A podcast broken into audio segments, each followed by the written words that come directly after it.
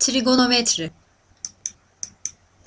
Trigonometri, üçgen ölçümü anlamına gelen Yunanca trigos ve metron kelimelerinden oluşmuştur. Yükseklik, değişen açılar ve eğim kullanarak nesnelerin yerini belirlemede ve uzaklık ölçümünde kullanılır. Ayrıca astronomi, sağlık, inşaat, makine ve elektrik mühendislikleri, mimarlık gibi alanlarda trigonometrik fonksiyonlar etkin olarak yer alır. Şimdi trigonometrinin çok kullanılan teoremlerinden biri olan sinüs teoremini ispatlayalım.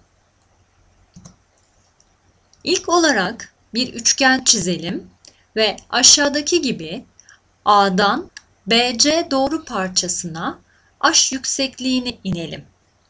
Ve bu üçgene ait çevrel çemberi çizip yarıçapını R ile gösterelim.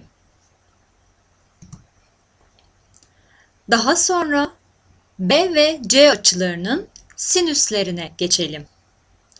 Sinüs B H bölü C sinüs C H bölü B olacaktır. Bu iki eşitlik kullanılarak H çekilirse sin B bölü B sin C bölü C eşitliğine ulaşılacaktır. Bütün bu işlemler C'den AB doğru parçasına yükseklik inilerek tekrarlanırsa sin A bölü A sin B bölü B eşitliği gerçekleşir. Bulunan her iki eşitlik kullanılarak sinüs teoremi elde edilir. Şimdi bir örnekle sinüs teoreminin uygulanışını görelim. Verilen ABC üçgeninde A açısının ölçüsü 30 derece, B açısının ölçüsü 45 derece, A kırı 8 santim olarak belirtilmiş.